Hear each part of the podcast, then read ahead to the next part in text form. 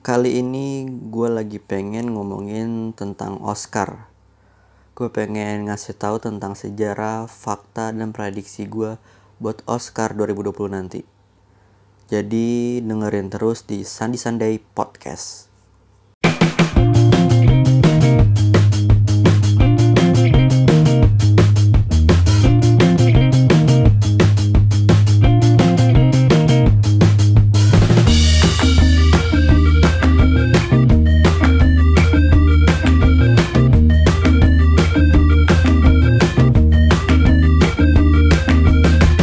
Oke, gue pengen ngejelasin sejarah Oscar terlebih dahulu sebelum gue masuk ke prediksi nanti di segmen kedua. Jadi Oscar ini pertama kali dibuat pada 16 Mei tahun 1929 oleh sebuah organisasi bernama Academy of Motion Pictures Arts and Science atau disingkat AMPAS yang dibentuk oleh pimpinan MGM Film Studio. MGM Film Studio ini yang kalau lo nonton Tom and Jerry openingnya tuh kayak ada singa. Nah itu MGM Studio. Namanya Louis B. Mayer di Hollywood Roosevelt Hotel. Jadi di eh, dalam sejarahnya tercatat kalau pertama kali Oscar Oscar dimulai itu pada 16 Mei 1929 nah tapi uniknya pada waktu itu di awal-awal Oscar diselenggarakan para pemenang Academy Award ini tuh udah diumumin dulu nih ke media sebelum apa pelaksanaannya pelaksanaan penghargaan dilaksanakan. Jadi waktu sebelumnya tuh kayak diumumin nih di media di surat kabar kalau uh, nominasinya ini pemenangnya ini loh gitu. Jadi waktu di hari H tinggal disebutin aja gitu. Jadi udah udah kasih spoiler duluan. Nah, di tahun 1941 mulai tuh digunakan amplop tertutup. Jadi nggak ada yang tahu waktu siapa yang jadi pemenangnya. Jadi waktu dari H ada amplop tertutup, baru ada tulisan siapa pemenangnya baru dibacain.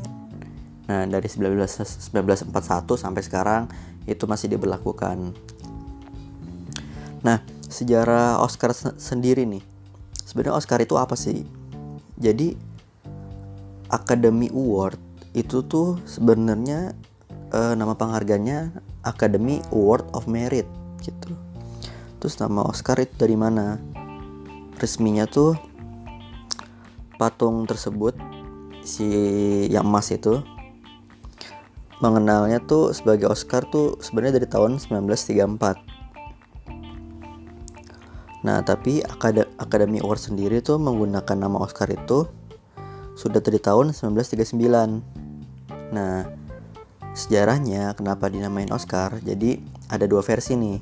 Versi pertama yaitu ketika pustakawan di dari di akademi namanya Margaret Herrick dia melihat patung si Oscar itu untuk pertama kalinya dia ngomong kalau itu mirip pamannya namanya Oscar Nah, ada lagi nih sejarah yang lain, fakta yang lain. Jadi ada rumor kalau Bette Davis orang akademi juga, orang akademi uh, komunitas itu, organisasi itu namain Oscar itu karena berdasarkan dari suami pertamanya namanya Harmon Oscar Nelson.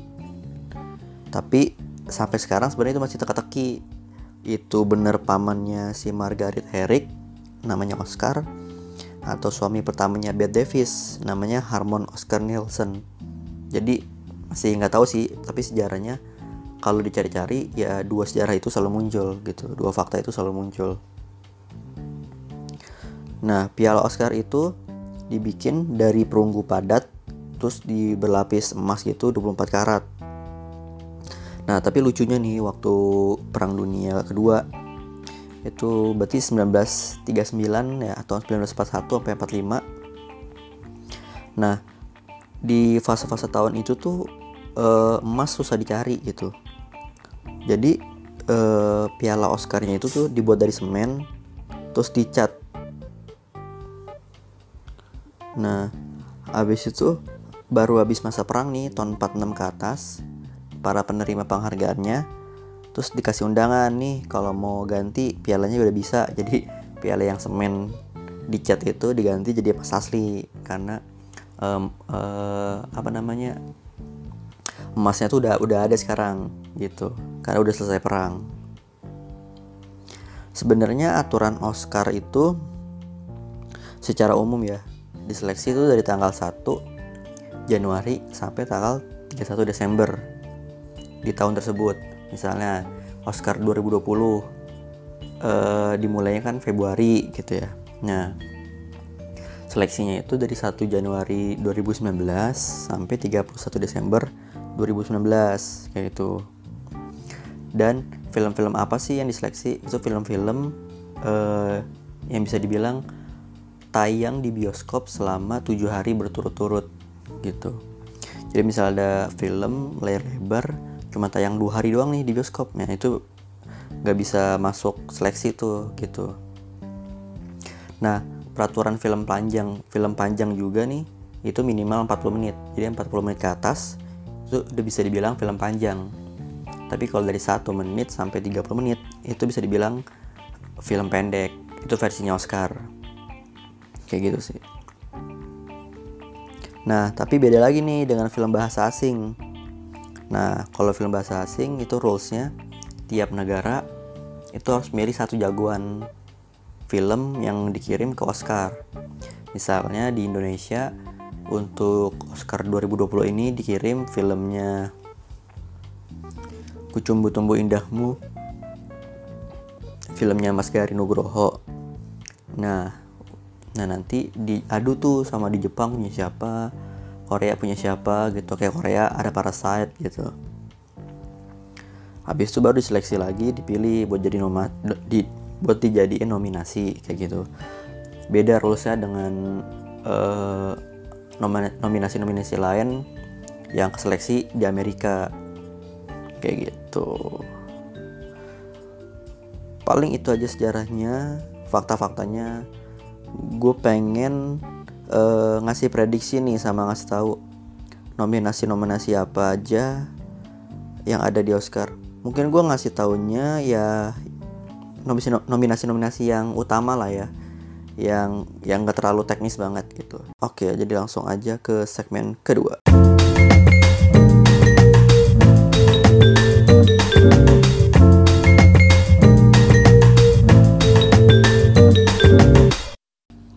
Oke, gue mulainya dari Best Original Screenplay atau penulisan skenario terbaik. Itu nominasinya ada Knives Out, Marriage Story, 1917, Once Upon a Time in Hollywood, sama terakhir Parasite. Di antara kelima ini, gue ngejagoin Parasite. Menurut gue karena film Parasite itu tulang punggungnya ya ceritanya. Ceritanya bisa seunik itu, bisa sekeren itu senaik turun itu temponya.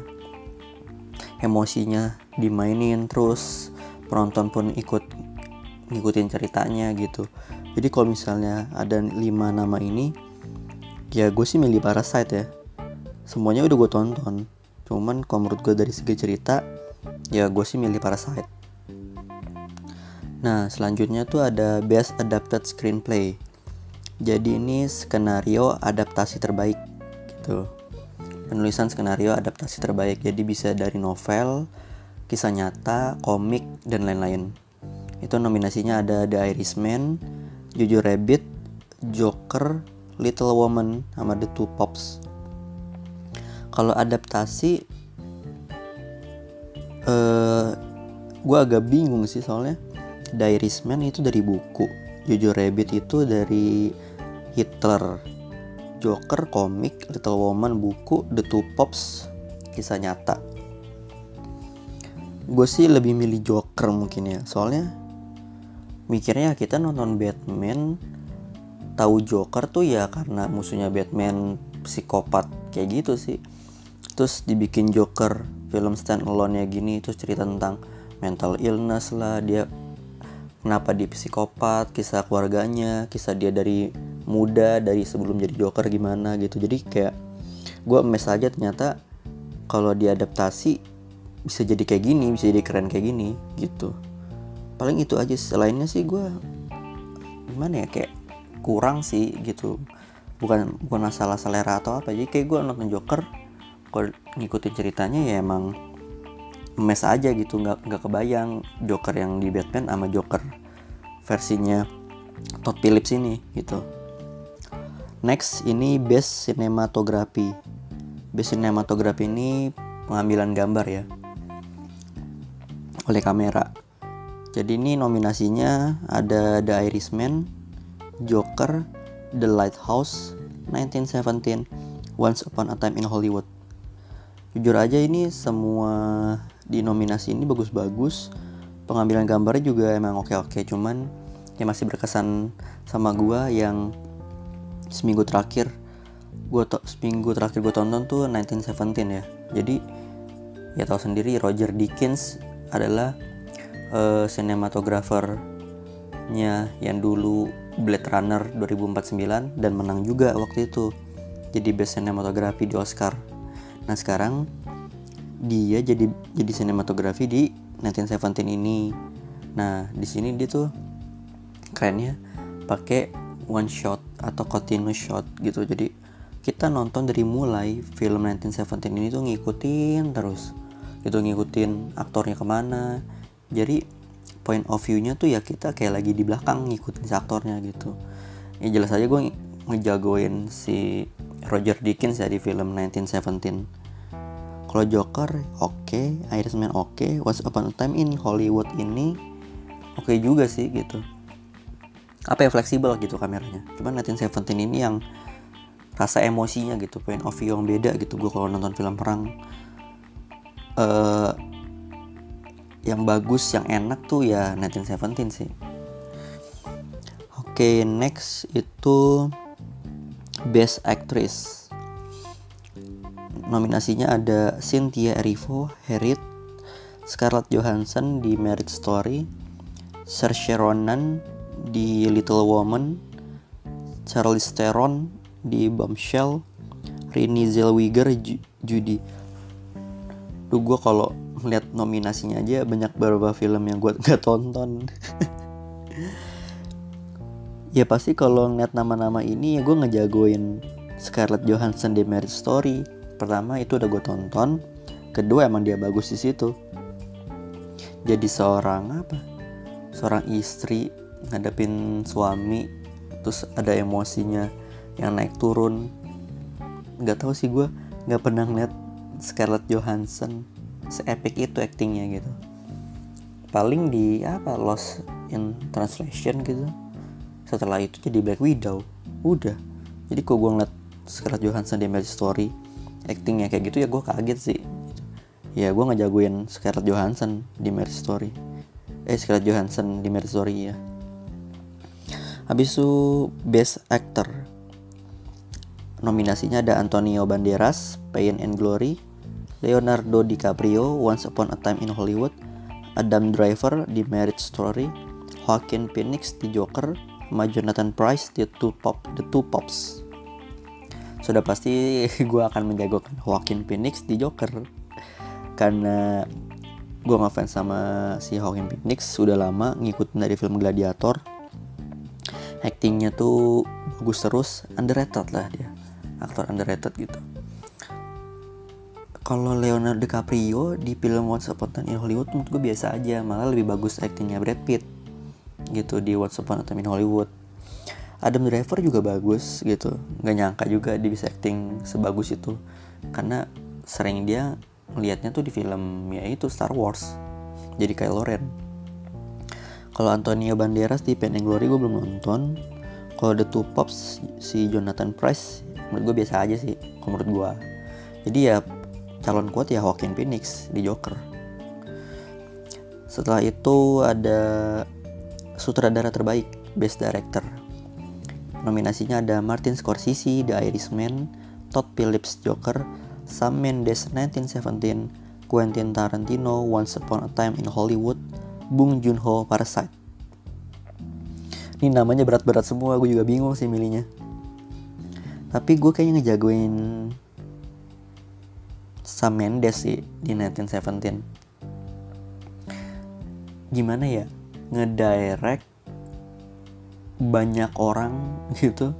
Satu kom kompi tentara, tentara gitu terus gimana ya ngatur set dengan banyak orang seperti itu gitu. Ini kan film perang gitu film besar terus ngatur kerjasama sama si Roger Deakins sang sinematografernya pengambilan gambarnya gimana setnya kayak gimana tuh menurut gue tuh gila sih gitu. Gue ngeliat sama Mendes di Skyfall aja di film James Bond aja udah bagus gitu ngeliat di 1917 terus gue gak nyangka kayak bagus banget gitu ngedirectnya bisa ngedirect dengan film sebesar itu gitu. Quentin Tarantino di Once Upon a Time in Hollywood apa ya? Ya oke okay sih cuman nggak gue nggak ngerasa wow aja. Todd Phillips di Joker gue ngerasa dia bagus mendirect si Joaquin Phoenix si Jokernya itu gitu. Tapi di filmnya sih gue nggak ngerasa kayak sutradaranya bagus gitu. Dalam filmnya gitu. Tapi sutradaranya bagus dalam mendirect si Joaquin Phoenix gitu. Pakai gue nggak ngejagoin Todd Phillips di di best director. Martin Scorsese di The Irishman. Ya standarnya the standarnya Martin Scorsese ya kayak nggak ada nggak turun nggak naik kayak stabil aja emang dia cara penyutradarannya seperti itu gitu. Cuman gue ngeliat Sam Mendes di 1917 tuh kayak beda aja oh iya Bung Joon-ho dia Parasite. Sebenarnya ini juga bisa dijagoin gitu. Parasite filmnya bagus gitu dia banyak aktornya. Performansnya bagus mendirectnya juga bagus dari jalan cerita sama pemain-pemainnya. Ya nominasi kuat antara yang juara antara Sam Mendes sama Bung Joon-ho ya. Tapi gue ngejagoin Sam Mendes sih. Nah terakhir di film terbaik Best Picture ada 9 ada Parasite, Joker, 1917, Little Woman, Jojo Rabbit, Ford vs Ferrari, The Irishman, Marriage Story, Once Upon a Time in Hollywood. Untuk film terbaik, gue ngejauhinnya Parasite. Kenapa? Pertama, gue sebagai orang Indonesia atau Asia pengen lah saya sekali ada film terbaik dari Asia gitu. Maksudnya kan ini kan Academy Award, bikinlah kejutan. Dengan film terbaiknya itu dari Korea, dari Asia. Kedua emang tahunnya Bung Joon-ho ya tahunnya Parasite gitu. Kalau dibandingin dengan film-film yang ada di sini Parasite itu tuh menang di performance actingnya directnya sama penulisannya gitu. Kayak apa ya filmnya drama drama komedi tapi tuh dibikin serius gitu kalau yang lain tuh ya film-film blockbuster film-film dengan biaya yang besar gitu Cuman gue nggak tahu ya standar tahun ini gimana nih cara menilainya.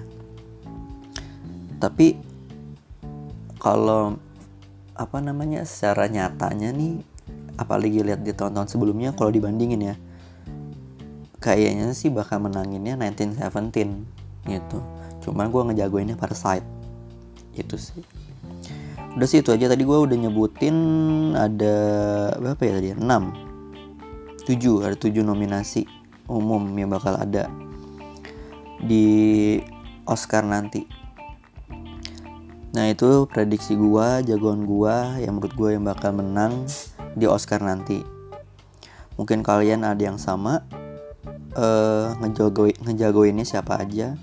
Mungkin bisa beda juga prediksi kalian. Jadi kita tunggu aja hasil dari Oscar nanti. Oke udah itu aja dari gue di podcast Sandi Sunday episode 3 ini.